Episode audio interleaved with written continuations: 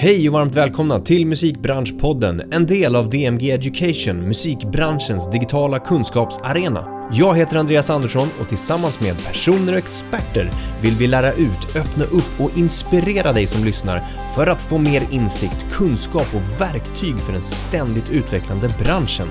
Dagens podd är ett återbesök av Erik Olsson, grundare och VD på Jubel. Pandemin har ju som alla vet drabbat musikbranschen riktigt, riktigt hårt. Men några som såg det här och framförallt agerade tidigt var just Jubel. Hör mer om hur Jubel har ställt om under det senaste året och vikten av att agera snabbt och Erik ger även mycket inspirerande och bra tips kring framtidens musikbransch som kanske kan hjälpa dig som är osäker eller inte riktigt vet vart just du ska passa in. Nu kör vi!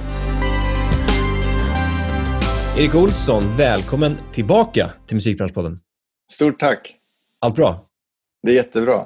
Härligt. Tycker jag. Ja. Ja. Du, eh, varför jag säger tillbaka så du har ju varit med i podden förut. Ja, 2017 kanske? Ja, exakt. Det stämmer. Ja. Eh, och det var också hösten 2017. Eh, Ja. Lite, ja, men lite över tre år sedan. Jag tror det var lite tidigare på vår, eh, höstkanten då. Mm. Då hade du precis blivit pappa och du, du beskrev det i podden själv att du var sömndrucken och damm som du var nybliven pappa. Några veckor Mm. tillbaka bara. Mm, Eller hur? exakt. Ja. Och nu Och det tillbaka igen med nummer två helt enkelt. ja, precis. Vi följer traditionen med Musikbranschpodden och barn. Ja, Så precis. vi fick nummer, nummer två här för, för snart tre veckor sedan. Ja, men härligt. Hur, då var du liksom som du sa, sömndrucken och damm. Det var, det var en ny omställning. Hur, Ja. Vi pratade lite grann om det innan här nu. Hur, hur har Ja. omställningen varit till tvåbarnspappa? Ännu en omställning 2020. Men, Ja. eh, nej, men det har varit... Jag tycker att det har varit, varit eh, bra. Jag, man var lite mer skärrad första, första barnet. Eh, man, var lite, man visste lite mer vad som förväntades. Ja, Och se- sen också så här, få, helt ärligt få, eh, nu ska vi inte snöa in på det här, men bli förälder under en, en karantän, jobba hemma-period är ju ganska lyxigt ändå. Liksom. Mm. Eh, kanske svårt att säga att en pandemi är lyxig, men, men, eh, men det är ganska passande för den livsstilen. För att nu är jag, sitter jag hemma och jobbar och är väldigt flexibel i hur man, hur man lever och är. ja men precis. Man slipper ju lite grann pendlingen. Man slipper liksom alla de här onödiga mellangrejerna. Utan när du är hemma så kan du bara lösa av. Jag vet ju själv, jag fick ju barn i, i tidigare år också. Så man har väldigt nä, nära till att, att vara där helt enkelt. Ja, men det är smidigt. Ja, men grymt. Du, eh, det har ju hänt en hel del sen vi snackade senast. Sen liksom Mm. tre år tillbaka, kan man ju lugnt säga. Mm. Eh, inte så mycket. Du driver ju fortfarande bolaget Jubel. Så eh, inte så mycket där. Det har inte hänt liksom andra saker än det. Men ehm, vi ska prata ganska mycket om vad Jubel gör idag och vad Jubel har gjort fram tills Mm. idag. Ehm, för ni är ju ändå, har ju liksom varit en av de liksom hetaste uppstickarna i musikbranschen, svenska musikbranschen kan man ju lugnt säga. Ehm, från det att ni startade och var liksom artistbyrån, profilerade som det. Jag kommer ihåg att vi pratade om att jag ställde så här, är ni Sveriges första eh, artistbyrå? Ja, jag ska nog vara kaxig och sticka i taken och säga att vi kan vara världens första. Ja, just det. Sen dess så har ju ni ändå synts på liksom musikbranschkartan och klättrat och vuxit. Mm. Eh, men, men eh, innan vi liksom kommer in på idag och vad ni har gjort och hela den biten, för ni har ju ställt om väldigt mycket eh, under liksom hela pandemin. Så tänkte jag Mm. att vi kan bara backa tillbaka och kolla liksom, vad har hänt? Vad hände från det att vi pratade 2017? Mm. Ni var, sa du? jag tror att ni var sex, sju stycken då som jobbade. Eh, Mm. Och eh, ja, men fram till liksom början av 2020. Nej, men det har väl gått med rasande takt, utvecklingen som artistbyrå. Eh, vi, eh, 2017, jag tror att vi hade, vi hade knappt börjat släppa, vi hade släppt, släppt några få låtar. Liksom. Eh, nu har vi väl släppt, jag vet inte, våran licenskatalog. Vi, vi gör två de- dealar fortsatte vi antingen göra, eller vi gjorde kanske inte det då. Då gjorde vi nog bara betallösning för label. Eh, sen någonstans 17-18 började vi mixa med att göra det, snälla licensdealar där vi tar eh, cirka 30 av, av, en, av en låt under en viss period. Och vi har väl nu sen dess tror jag vi har samlat på, jag tror det var 300, 300 låtar i katalogen som har släppt. Plus alla då konsultgig. Eh, mycket 2018 vet jag att jag var på en, på en paneldiskussion på Where's the Music i Norrköping. Eh, tiden går otroligt snabbt i musikbranschen, vilket jag tycker är inspirerande. Och Det har varit också en USP ett sånt här år, att man är van att det går väldigt snabbt. Det handlar inte om år, det handlar om månader. För att stannar man av så, så, stannar av så blir det väldigt lätt gammal. Mm. 2018 så, så eh, var jag med i en panel på Where's the Music med, med eh, några indies, några major-spelare. Men du, var inte det, det var ju jag som var moderator. Det stämmer. Det stämmer. Ja. Du den, ser, allt Precis. Den var ju faktiskt ja. med lite grann. Då är det tredje gången du är med i podden. För ja, den, vi släppte den som en livepodd sen också, som inslag. Ja, ja du ser. Okay. Får vi rätta. Eh, allt, allt hänger ihop. Nu hamnar vi där. Men, men, eh, nej, men då, jag vet inte om du kommer ihåg, men jag, jag vet att det där var en väldigt snäll också panel. Eh, alla ja. var väldigt sams, enade om att det här är ni, alla indies behövs, det är liksom klapp på axeln, ni är duktiga, det är bra. Ja. Fram till vi började snacka topplistor. Mm. Och Då var det någon av major-spelarna som sa att ja, men det är bra med alla indies, men, men eh, eh, kollar ni på, på, på topplistan, för att vara på topplistan så behöver du ha ett majorbolag och så kommer det fortsätta vara. Mm. Eh, och Det där satte sig lite i mig. Jag blev, lite, jag blev väldigt frustrerad av det, den insikten. För att personen i panelen hade ju rätt. Eh, facit var ju på personens sida. För just där och då, 2018, så var 100% av topp 50 på Spotify i Sverige major-släppta låtar. Mm. Eh, året efter hade vi den, en av de mest streamade låtarna på Spotify med Maris och Sunnavind. Eh, I somras så hade vi eh, två låtar före samma bolag på Spotify-toppen hela sommaren. Eh, så det, då, blir man, det, då kommer man tillbaka till det, den frustration man hade då blev snabbt, fick man motbevisat för sig själv att fan, det gick ändå att släppa musik utan stora, mm. stora bolag. Och Den trenden har ju gått otroligt snabbt bara sedan 2018. Man kollar på topplistan idag, jag vet inte marknadsandelar, men, men eh, och där har väl vi tagit en position som reklambyrån som hjälper artister att släppa musik själv och att eh, vara bäst i positionen mellan artister och fans. Kunna göra, producera både turnéer och samarbeten och göra, eh, släppa musik. Just det. Och, ja, men då skulle vi egentligen sätta ihop den här panelen igen då, en eh, version 2021. Ja, exakt. efter årsskiftet och, och se så här, vad, har, vad har hänt. Ja, exakt. men, men eh, för ni under åren också så har man ju sett att så här, ni har öppnat så här, nya avdelningar, ni har gjort nya samarbeten, nya liksom, allt från live som du sa, det är release, det är artistbyrå, alltså reklambyrå, mm. Mm. Hade ni det tänket hela tiden från början att så här, men vi ska, vi ska liksom öppna upp en ny avdelning? Hela, alltså hade, hade du den planen framåt? Nej, eller egentligen så här. när jag startade Jubel, så hösten 2015, så skrev jag på en papperslapp. Jag ritade upp en bild på en artist och sen så skrev jag, skrev jag 30, 30, 30. Och då tänkte jag så här, men tänk om man skulle göra en aktör istället för att man, har liksom, man tar jättemycket av en, ett låtsläpp, tar mindre av en liveprodukt. Gör, eh, så. Tänk om man bara skulle ta, vi gör allt tillsammans. Liksom. Vi, vi, vi bygger artistvarumärket och gör allting tillsammans. Det var grundhypotesen. Sen så fick vi hjälp av att jobba och blev management för några artister och, eh, och eh, har väl live-testat hela vägen. Och så här, testat saker, sjösatt, lagt ner saker också.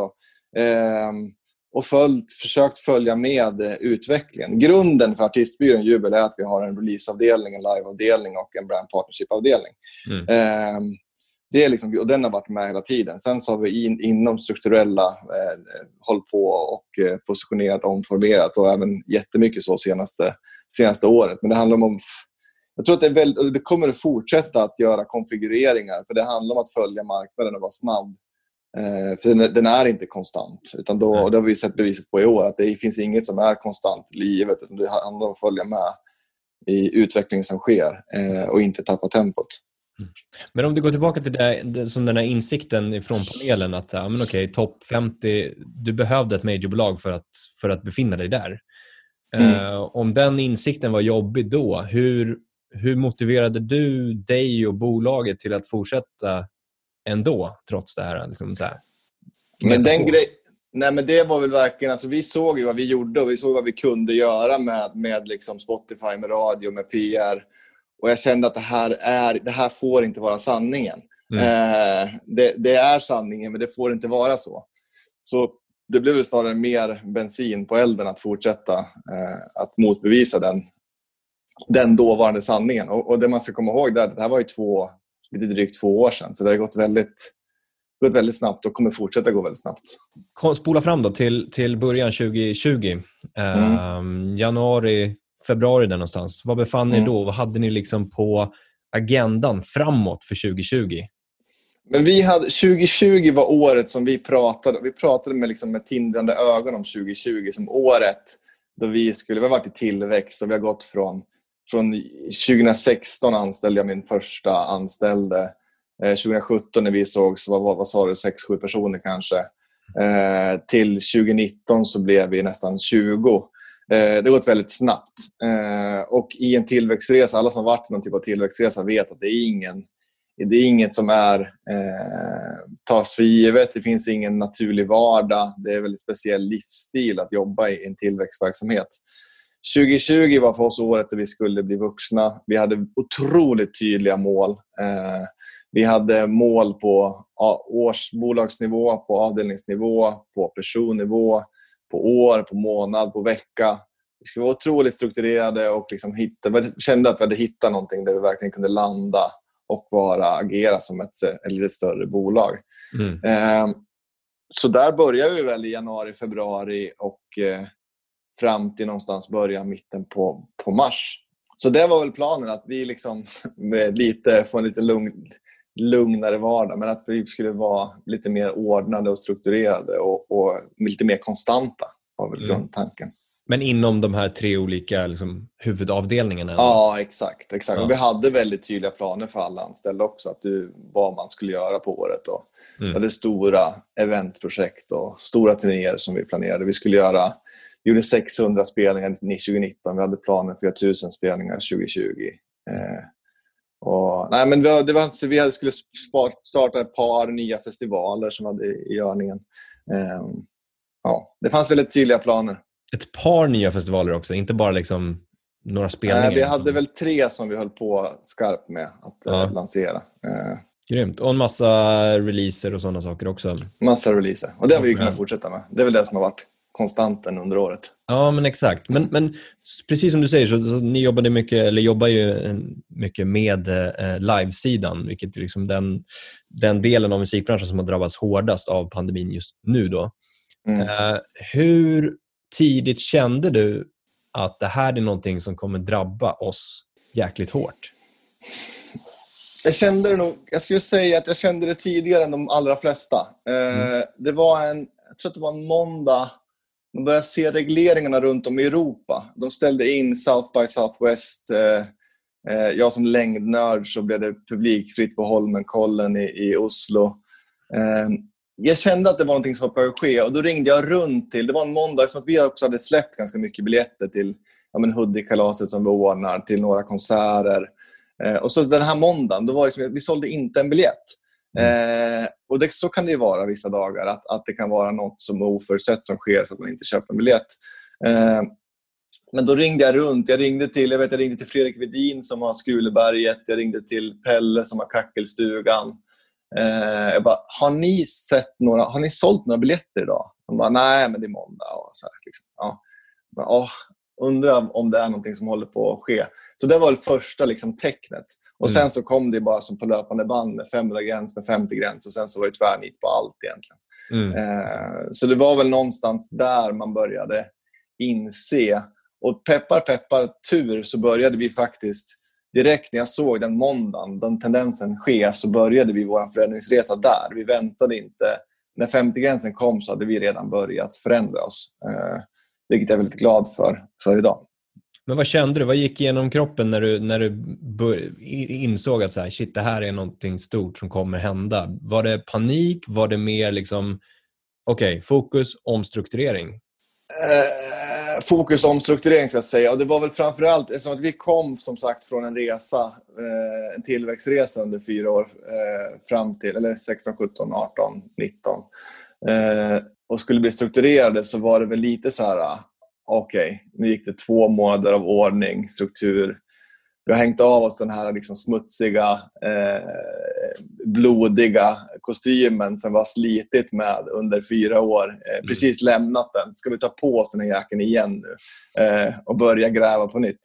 Eh, så det var väl också någonting, av att vi, men vi, var, vi blev väldigt snabbt väldigt fokuserade och tog väldigt snabbt beslut framåt. Och Det var också mycket för att både jag och hela organisationen har varit van att vara lite i, i förändring. och varit i ständig rörelse under så lång tid. Så att det var lite störigt men, men eh, också väldigt eh, en välbekant eh, kompis som fick komma tillbaka.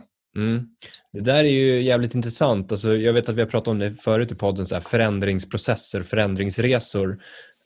Um, och du som ändå har gjort den här, du som har sett den här tillväxtresan och du som har sett saker och ting fungera, du lanserar, eller ni lanserar, saker och ting funkar, funkar inte, ni får lägga ner, omstrukturera. Um, är ju ändå, och du har det mindset att du är beredd på att världen är inte konstant. Det kommer inte vara en konstant liksom, growth på det sättet utan det kommer mm. komma mm. tillfällen som inte vi kan kontrollera själv. Om man redan har mm. det mindsetet inför, liksom när man går in i, i en business så har du ju alla förutsättningar att faktiskt lättare och snabbare kunna ställa om och rikta om liksom, eh, kompassen till dit man ska någonstans. Mm. Jag tror att, och det, det, har vi sett i musikbranschen sedan tidigare också. Liksom allt från alltså pirating eran, om vi kallar det för det. Att, att så här, men, okay, vi blev tagna på sängen och, och, bara så här, fan, vi måste, vi måste stämma skiten ur dem eh, mm. snarare än att vi behöver ställa om. Då var man inte beredd på det. Nu har man liksom kanske börjat jobba upp det mindsetet lite, lite bättre eh, generellt mm. sett i musikbranschen. Men, men mm. det handlar om att ha det, den inställningen som du är inne på, att då blir det lättare. Det kan vara mm. skittufft när det kommer där och då, att man liksom blir knocked down. Men mm. sen att liksom, från det att tiden från det att du blir knocked down till att du faktiskt reser dig upp igen och börjar köra, du har ju förkortat den tiden. Mm. Eh, vilket skapar ett... Du, du får ett försprång. Eh, mm. Garanterat. Som, eller alltså, ni som företag får ett försprång för att ni ser de insikterna på något sätt. Och så här kommer det fortsätta vara. Det här är ingenting som är... Det är inte den, det är inte den sista liksom, eh, coronaviruset eller liknande utmaningar som vi ser i våra yrkesverksamma liv. Utan det här kommer att fortsätta komma sådana utmaningar. Nästa gång så är det kanske en ny piratiseringsvåg eller något annat skit som händer. Eh, så det är nog, det, det, är, vi är i en flyktig bransch. Men det, man, det vi alltid har levt med under den här perioden också, som jag tryckt på flera gånger, det är att efterfrågan på musik och artister har ju inte påverkats. Eh, det är bara att man har bromsat det har gjort en åtstramning, en reglering på hur man får konsumera musik. Och Det har varit under större delen av året fram till nu att det inte får vara mer än 50 personer i grupp och konsumera mm. samtidigt. Det är egentligen det enda som har skett. Sen så komplicerar ju det verksamheten när man har byggt en verksamhet på att göra stora turnéer, stora, eh, stora festivaler och så vidare. Men det är inte lika med att det inte finns en efter... Hade efterfrågan försvunnit så hade det större problem. Efterfrågan finns ju kvar. Mm. Då handlar det bara om att hitta vägar runt det faktum att man inte får konsumera musik i stora folksamlingar. Ja, men exakt. Och jag pratade med en, ehm, en bekant om det förut eh, lite tidigare, det här med i, i avtal så skriver man oftast in en, en som klausul kring force majeure. Eh, mm. Alltså det här med mm. saker och ting som inte går att påverka. Det kan vara naturkatastrofer eller andra saker som mm. inte liksom är förutsägbara. Den klausulen har ju liksom bara varit där av Eh, eller punkten har alltid varit där, men, men i princip aldrig använts. Nej. Jag kan tänka mig att den blev extremt viktig nu under det här året när det kom, kommer till liksom livespelningar till allt möjligt. Verkligen. Sen så, sen så kan jag känna där, och det är jag stolt över faktiskt hela liveindustrin. För att det, det, där är ju någonting som man hade kunnat bråkat väldigt mycket om. Liksom, vad är det här Force man gör? Står det någonting om pandemi? Hade man velat ta till juridik så hade man säkert kunnat vinna några rättsfall där och få betalt ändå. Eh, men ni får ju spela för 50 personer. Står det i avtalet hur många vi ska ha på konserten? Etc. etc. Mm. Men där har alla varit otroligt hjälpsamma faktiskt. Och liksom, både bokare och arrangörer har sett att nej, okay, det här är, vi, vi kommer inte bråka om det här. Det är bara fånigt att, att ställa till med någonting kring det här. Liksom. Mm. Mm. Eh, så man har lite gått ifrån den också kan jag tycka. Man har liksom inte ifrågasatt. Man hade kunnat ifrågasätta den. Det hade kunnat bli ett eh, problem för många. Men det har varit väldigt eh, för vår sida i alla fall väldigt hjälpsamt från alla håll att man har varit förstående för att det är en extrem situation. Mm. Om vi går in på lite mer konkret vad det är ni har gjort nu då. Alltså mm. omställning, vi pratar om att så här, ni ställde om. Men vad är mm. det faktiskt ni har ställt om? Vad började ni med att göra där eh, den där måndagen som du pratade om när, när ni insåg att okej, okay, nu kör vi? Det första vi gjorde var att, eh, alltså klart från början så kattade vi alla så mycket kostnader vi bara kunde. Eh, sen så tog jag bort våran eh, Events and Brands och eh, Live-avdelningen som är då ja, våra två av, två av tre avdelningar, förutom, allt utom releaseavdelningen försvann. Mm. Eh, blev en ny avdelning som rapporterade direkt till mig. Eh, där vi, eh, klyschigt nog, så kallar vi för, vi kom på en löptur att live och live är samma, samma ord eh, med samma stavning. Så vi, vi, vi kallar det för the live department som handlar om att just hitta nya vägar framåt för att överleva. Eh, vi gjorde så att vi hade varje måndag ett vitt blad eller en svart tavla där vi, där vi träffades alla då, jag tror det var 13 personer som mest i den här gruppen, eh, och eh, kläckte nya idéer. Vi har en marknad där efterfrågan är kvar.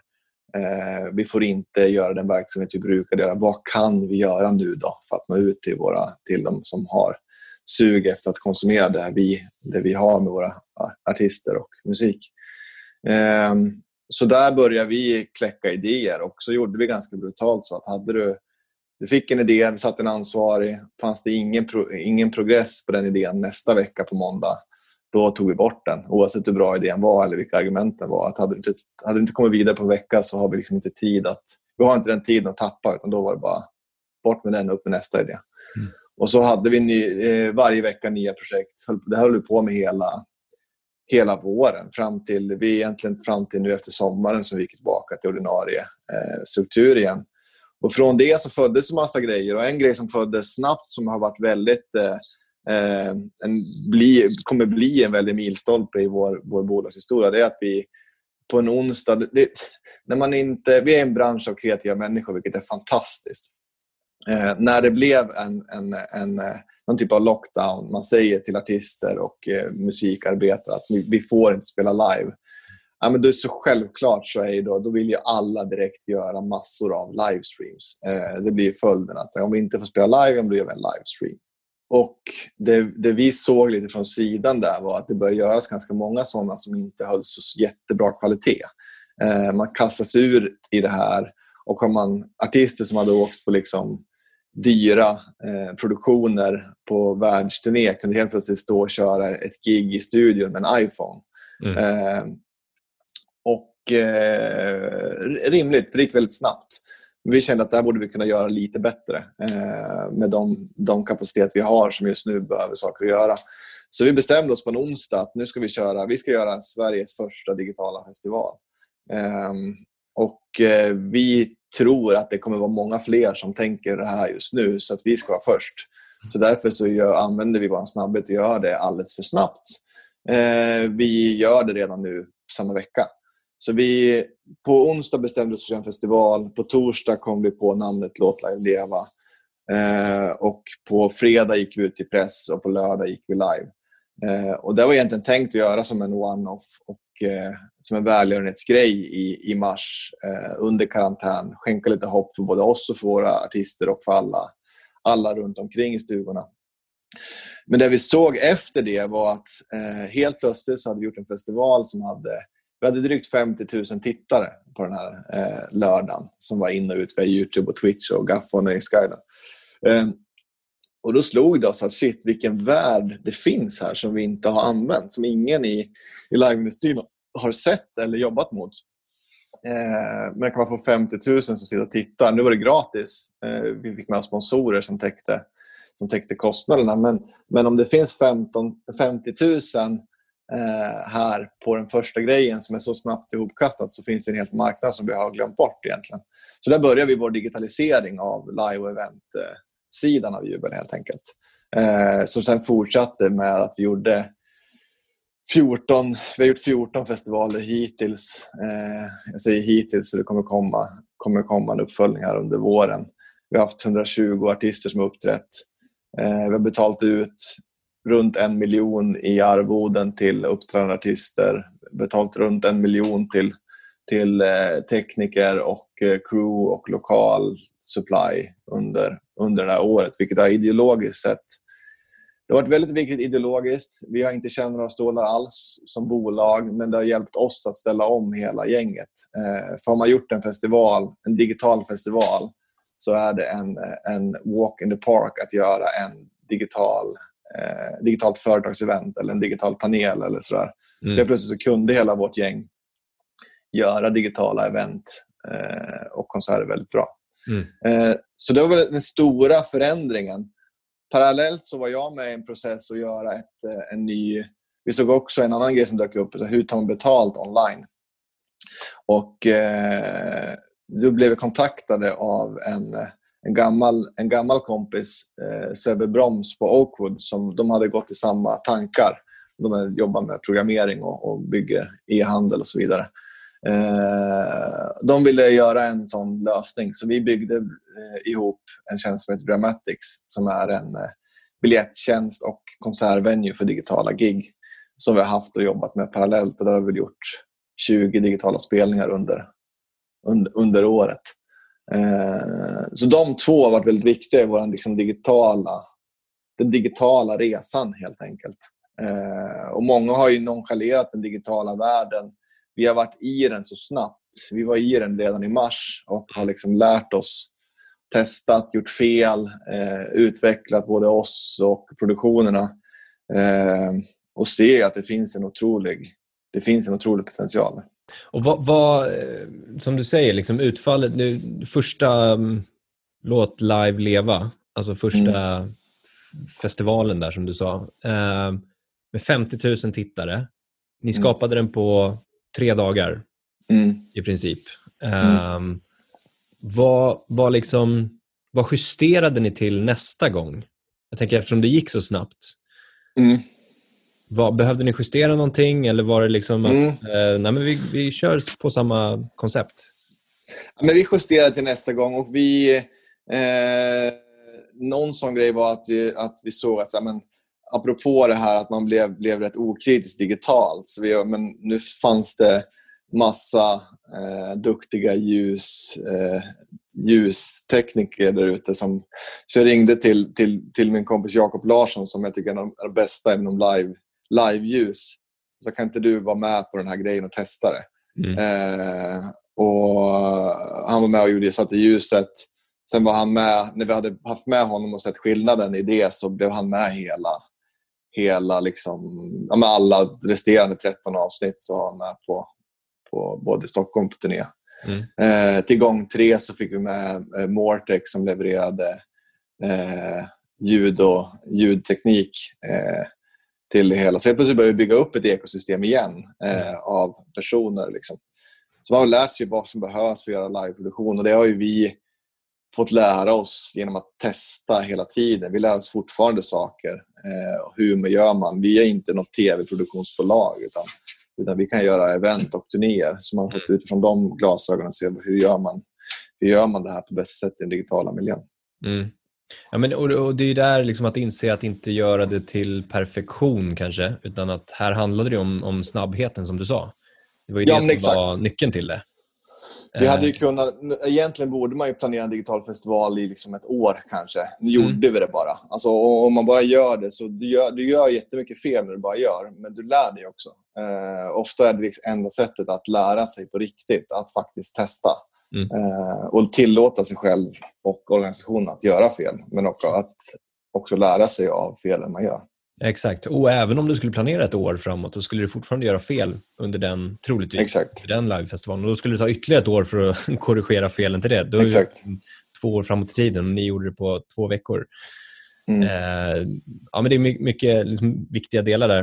Um, jag tänker för din egen del i hela det här, var det, liksom, var det läskigt att ta det vet, vi pratar om den här blodiga kostymen, men, men var det mm. läskigt att ta beslutet att okej, okay, nu behöver vi liksom ställa om?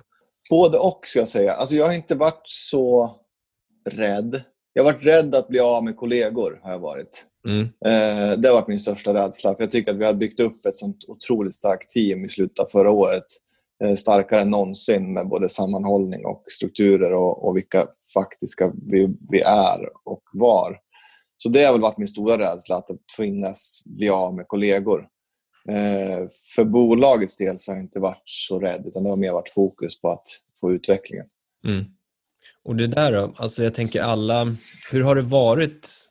Var det lätt att få med bolaget och alla anställda på det här? Det handlar ju liksom ändå om en omställning som du säger och, och en del kanske inte gillar den här äh, förändringen och blir kanske förhandlingsförlamade. Hur, hur liksom fick du med allihopa på det här? Men det där är en ständig utmaning. Jag tycker att vi är, vi är väldigt bra eh, på det. Sen så finns det vissa olika alltid, alltid grader av hur, hur benägen man är att ställa om. Mm. Eh, men jag tror också att vi kommer från en förändringsresa att man är ganska van den typen av, av förhållningssätt.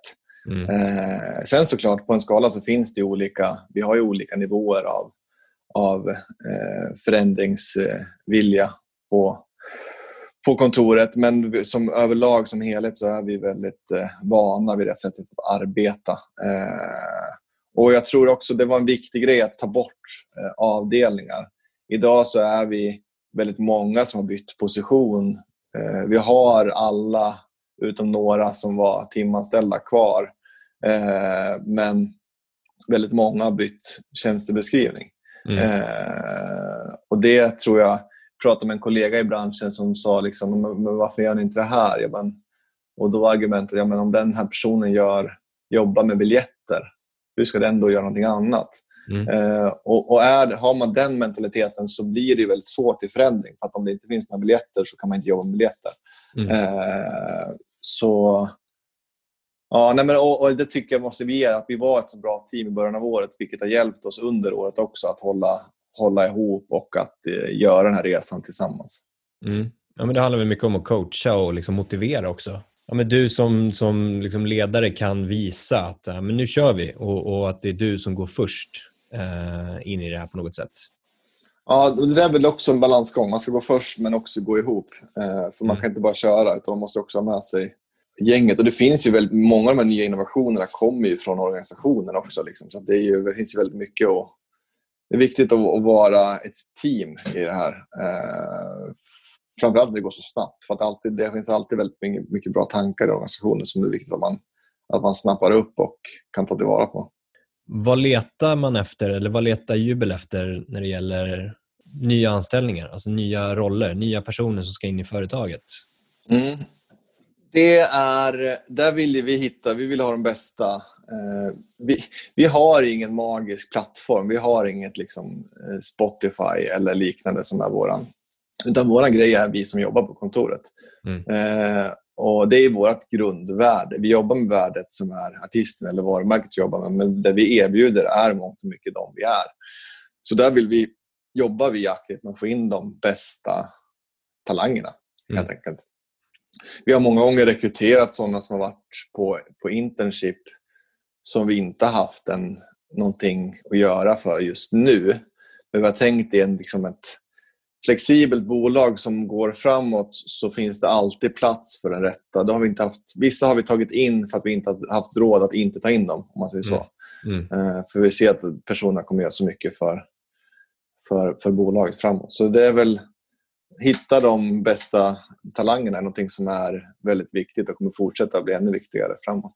Jag vet att många liksom i hela den här förändringens, förändringsbiten, om, om vi inte tittar på själva bolagsstrukturerna och bolagen och liksom businesspersonerna bakom, utan vi vänder oss mer till artisterna och kreatörerna, um, så vet jag att det är många som har känt liksom en, en hopplöshet på något sätt.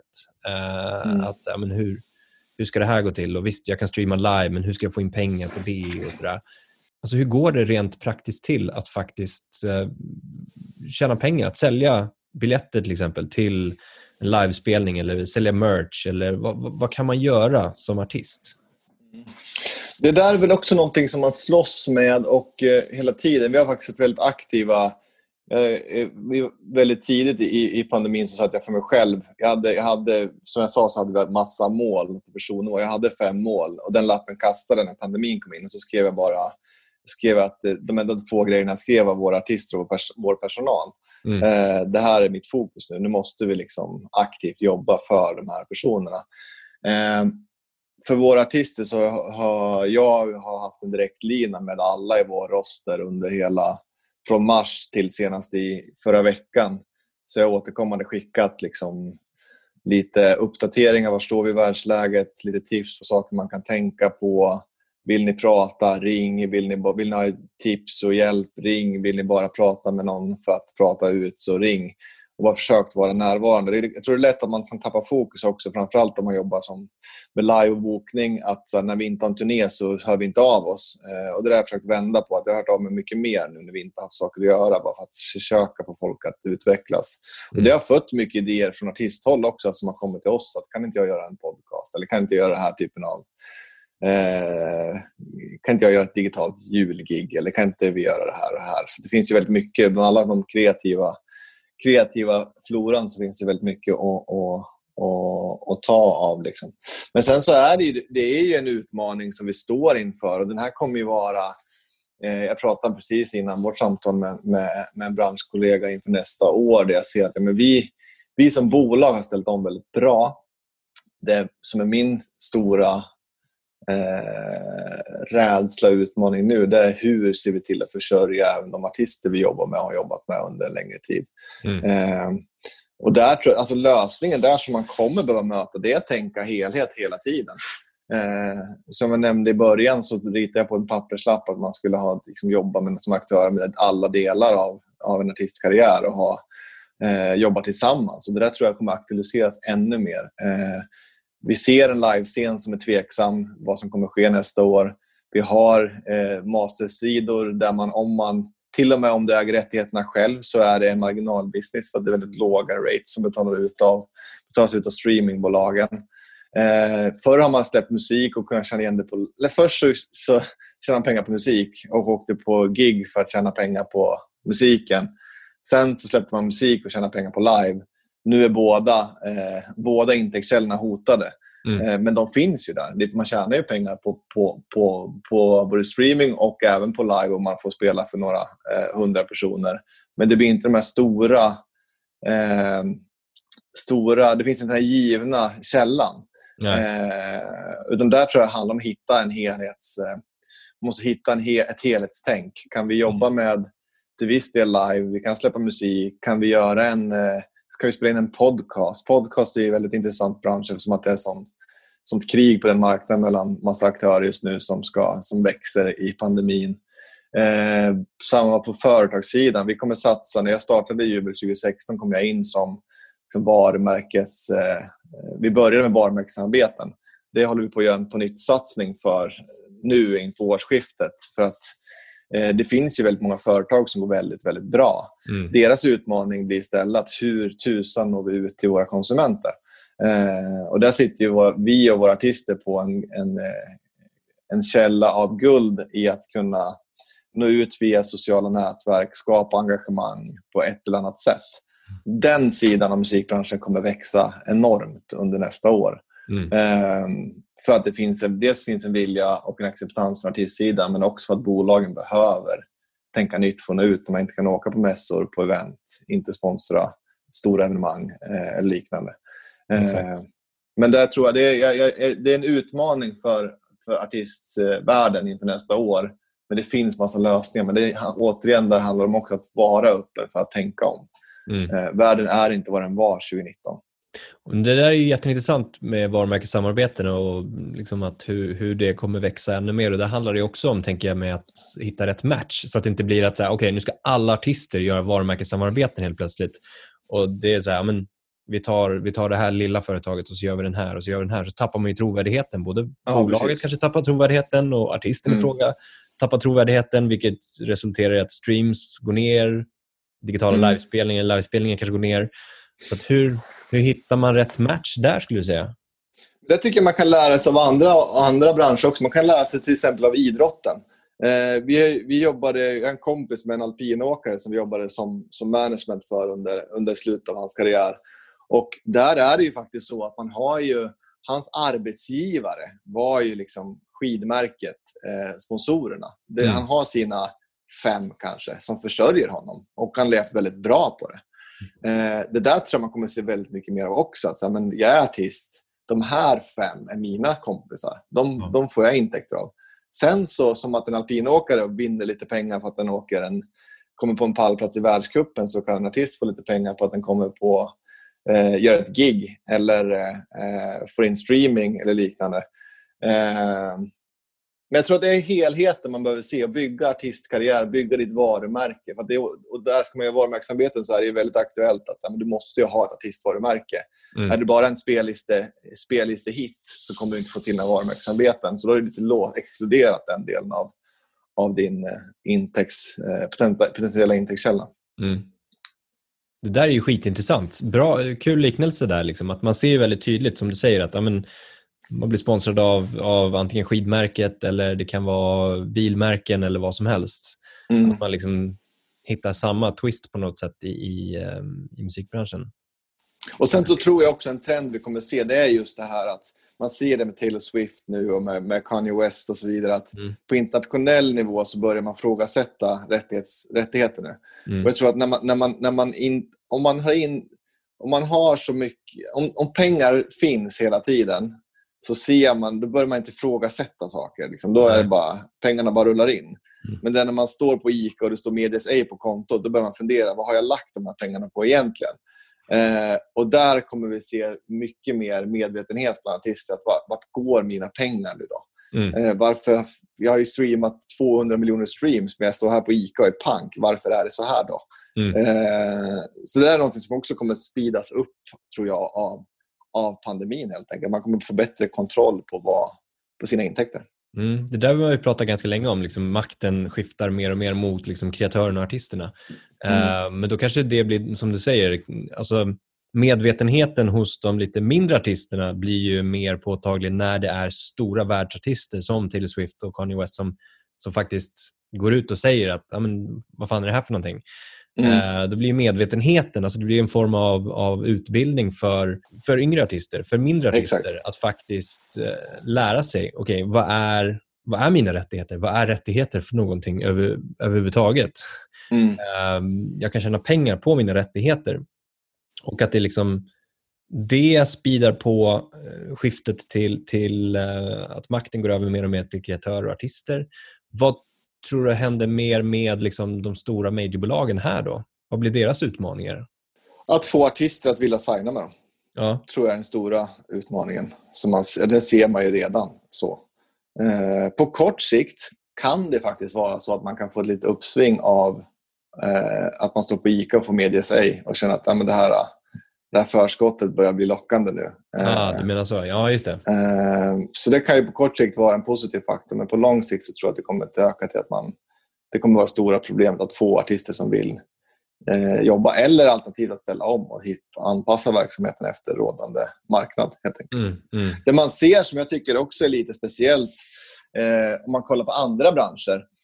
Jag vet, Nike och Adidas hade någon kamp om att döda retail här om förra året jag tror Adidas gick ut och sa om det var 50% som skulle... Någon av dem sa att 50% av all retail skulle inte få sälja deras varumärke längre. Det gick den andra ut och sa att nej, 70% av vår retail ska inte få sälja vårt varumärke längre. Vi säljer vårt varumärke själva. Liksom. Mm. Våra egna Adidas-butiker och hemsidan. Eh, härom veckan gick Volvo sa upp kontraktet med Bilia som deras största Volvo-återförsäljare. Eh, så man pratar om döden av the death of the middleman. Eh, det är mer med varumärket till konsument. Eh, och I musikbranschen så kommer vi se det här ännu tydligare. För det är, vi har så... Om man jämför hur... hur alltså, vi har väldigt mycket...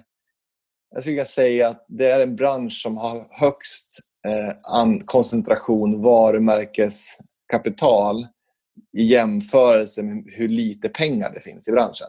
Det är mm. väldigt mycket varumärke, det är väldigt mycket synlighet i media sett till hur liten branschen faktiskt är. Eh, det är liksom inte... Pensionsbranschen omsätter säkert 750 000 gånger mer än musikbranschen men du läser inte så mycket om pensionsfonder på aftonbladet.se. Mm. Eh, Medan musikbranschen är relativt litet och syns eh, och syns väldigt mycket och att det då ska finnas massa mellanhänder den branschen. Finns ingen rimlighet i det över tid. Nej, nej precis. Det finns ingenting över för det. Nej. nej. Och Det ser man väl också, jag tänker den här trenden med att liksom varumärken men också mm, alltså direktkanaler, alltså e-handelsförsäljningen ser man ju också stramas åt mer och mer och att man ska äga sina egna kanaler och äga, äga liksom sina egna plattformar på något sätt. Mm. Um, för, att, för att eliminera mellanhänderna på något sätt. Där mm. Så att ett, tip, ett, ett, tips är då att uh, starta inte ett, uh, ett mellanhandsföretag. Då. Nej, det tror jag inte på, inte på något plan. Utan uh, försök att tänka liksom, varumärke till konsument. Ja. på ett eller annat sätt. För det är där tror jag världen kommer, kommer vara. Men hur, hur, kan, vi, hur kan man öka liksom värdet på det här då? Om vi pratar, som du säger, att i relation till liksom varumärket och i, i, i liksom brandingmässigt, att man syns på Aftonbladet men i relation till hur mycket pengar som faktiskt liksom florerar i branschen. Kan man, kan man öka det på något sätt? Liksom likt andra branscher som du var inne på. Jag tror att musikbranschen kommer öka enormt framåt. Jag tror omsättningen, vi kommer se en det vi ser nu är likt en studsmatta. En studsmatta som man hoppar ner och när man har hoppat ner, gått ner tillräckligt långt så skjuter man upp, eh, upp i luften. Mm. Eh, det vi ser nu är att man hittar nya vägar. Eh, man gör digitala grejer, man satsar. Bolagen kommer, kommer öka jättemycket med varumärkessamarbeten, tror jag. Eh, vi kommer hitta massa nya vägar. Sen, när det väl skjutsar på igen, när man öppnar upp för konserter, festivaler, evenemang så tror jag att mycket av det vi har gjort nu kommer finnas kvar.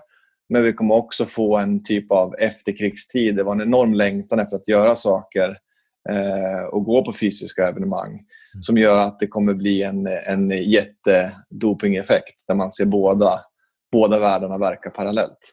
Mm. Eh, så den, jag skulle tro att och framförallt att vara artist eh, skulle jag säga är ett framtidsyrke. För det är ganska häftigt det som sker nu man är fortfarande i streamingens linda också. Eh, vi har ju ett gäng artister som lever på sina streamingintäkter eh, för att de behåller så stor del av kakan själva. Mm. Eh, kan man bygga det här över tid, ja, men om de lyssnar på den här artisten om 50 år Ja, men det kanske är att eh, den artisten, om den är vid livet, lever på de intäkterna fortfarande. Det kommer att kunna vara att den personens barn och barnbarn lever på det den har gjort nu. Mm. Eh, och parallellt med att det kommer vara mer och mer att man behöver ha personer för att nå ut med andra varumärken.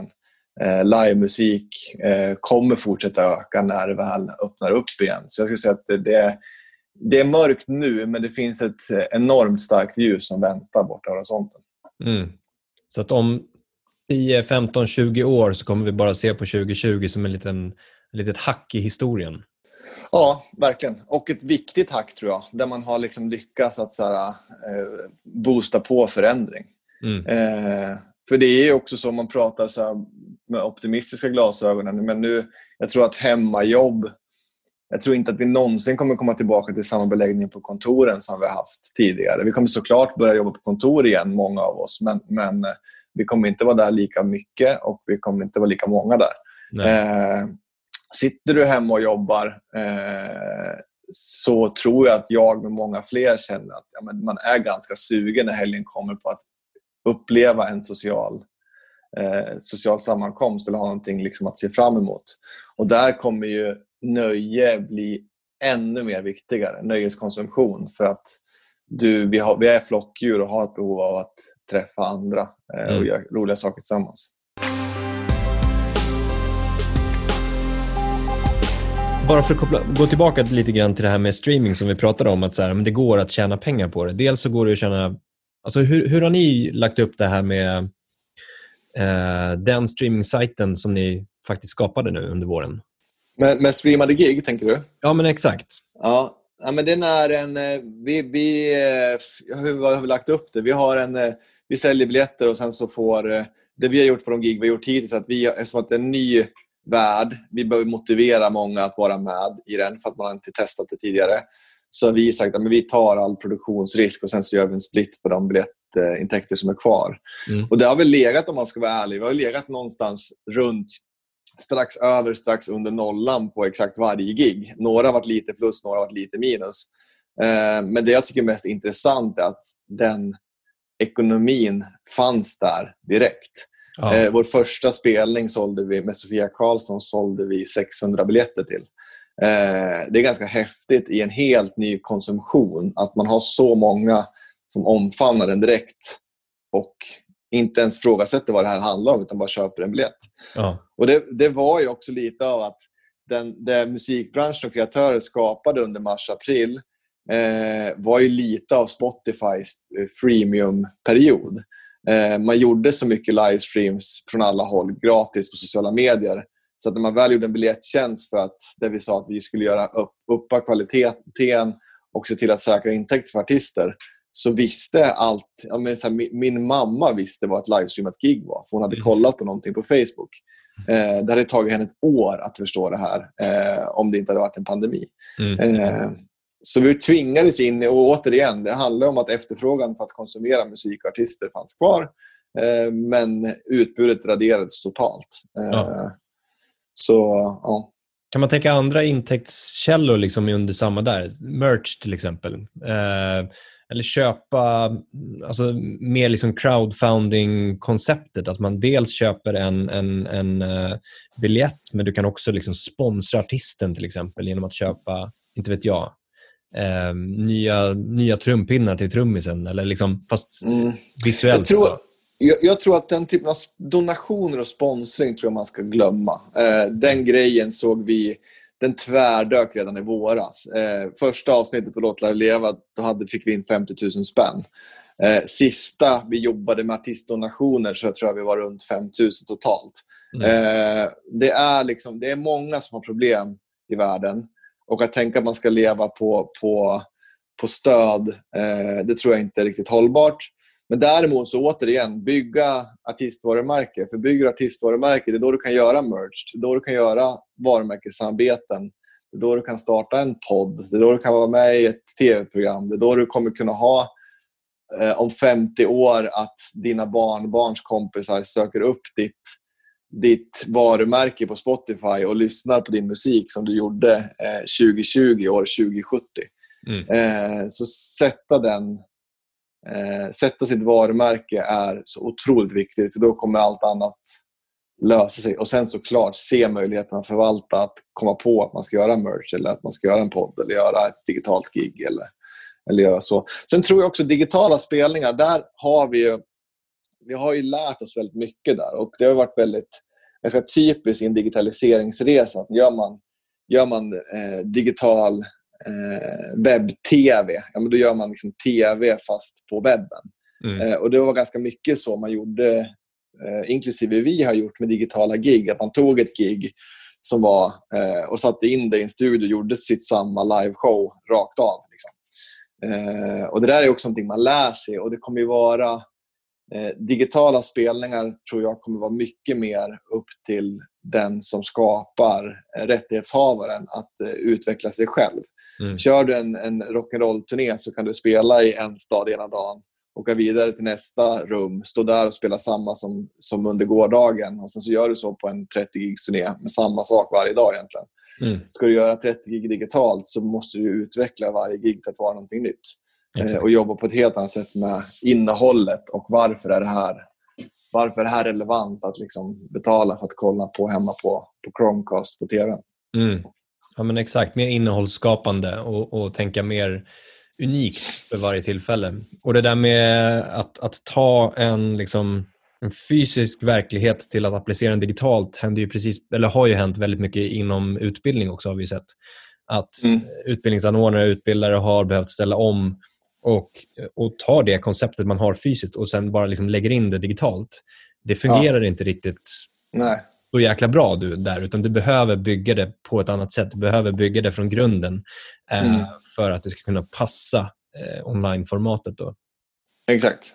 Så lite, lite liknande. Men du, jag tänkte vi ska avsluta med lite tips här nu också. Mm. Um, till exempel om du får ge tips och motivera och prata med någon som, Eh, som har haft som mål att jobba i musikbranschen, alltså på affärssidan, business-sidan på ett eh, bolag, någon som kanske har pluggat eller liknande. Och känner sig, är det värt det? Kommer det kunna gå? Vad, vad, vad ska jag göra? Hur skulle du peppa en sån person att, att tänka?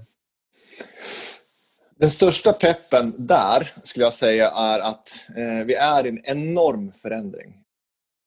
Eh, det är motsvarande förändring som vi gick igenom när eh, skivbutikerna dog på 2000-talet till att det övergick till streaming.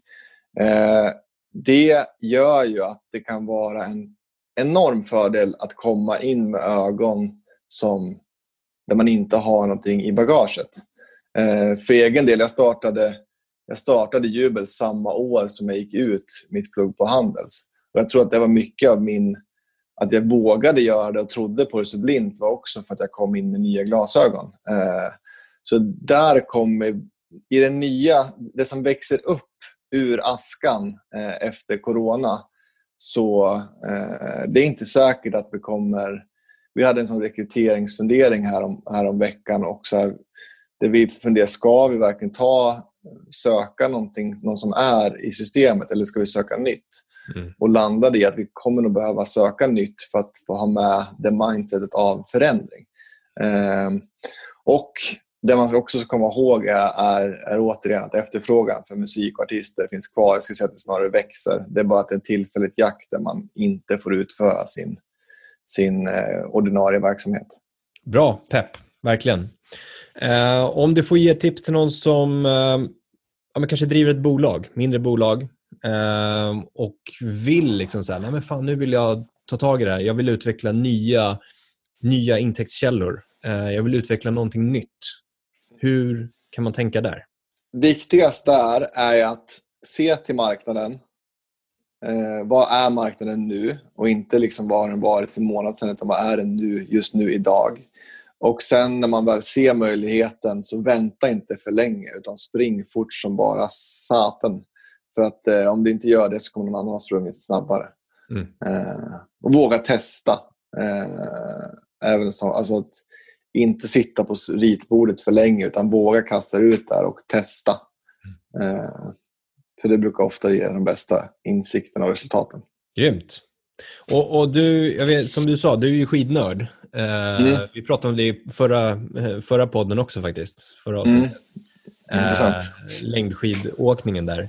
Hur, eh, kopplat till allt du har gjort här nu under hela, hela våren och sommaren mm. och hösten. Det låter ju jävligt tidskrävande. Plus att ha blivit tvåbarnspappa. Hur hinner du själv med den träningen? Längdskidor? Träningen? Ja, men det har ju... Alltså jag, faktiskt, jag, jag, har faktiskt varit... Eh, det har varit så... Nu har jag tappat det på slutet, men jag tog faktiskt rekord, rekord på milen i somras. Eh, jag, jag, vi körde... kom in i året på ett bra sätt och satsade väldigt mycket på att vara i, i försöka hålla mig själv i form. Eh, det jag gjort på slutet är att jag börjar cykla. Jag bor söder om, om, om stan. Jag har cyklat 15 kilometer eh, tur och retur varje dag till jobbet för att få den dagliga motionen.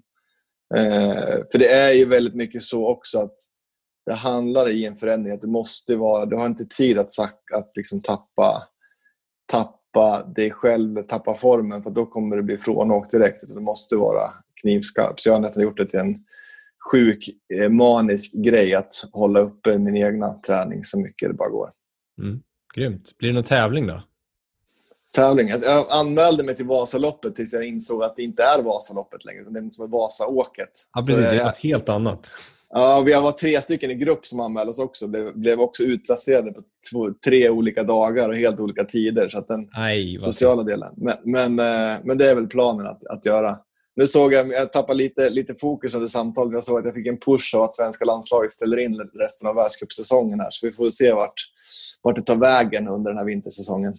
Precis, det är väl lite den eh, helgaktiviteten man har då, titta på längdskidorna. Mm, den försvann nu, så nu har du inte det heller. Nej, fan också. Sorry. Men du Erik, grymt kul att snacka med dig och höra alla dina mm, insikter som du har fått under året och, och alla dina tankar kring branschen. Eh, superbra, verkligen. Tack så mycket. Stort lycka till framåt också. Men detsamma. Tack för att du har lyssnat på podden som produceras och genomförs av oss på DMG Education, Sveriges ledande utbildningsarena inom musikbranschen. Om du gillar det vi gör, se till att gilla, lämna en kommentar i någon av våra sociala medier, DMG Education. Ta hand om er därute så ses vi igen nästa avsnitt.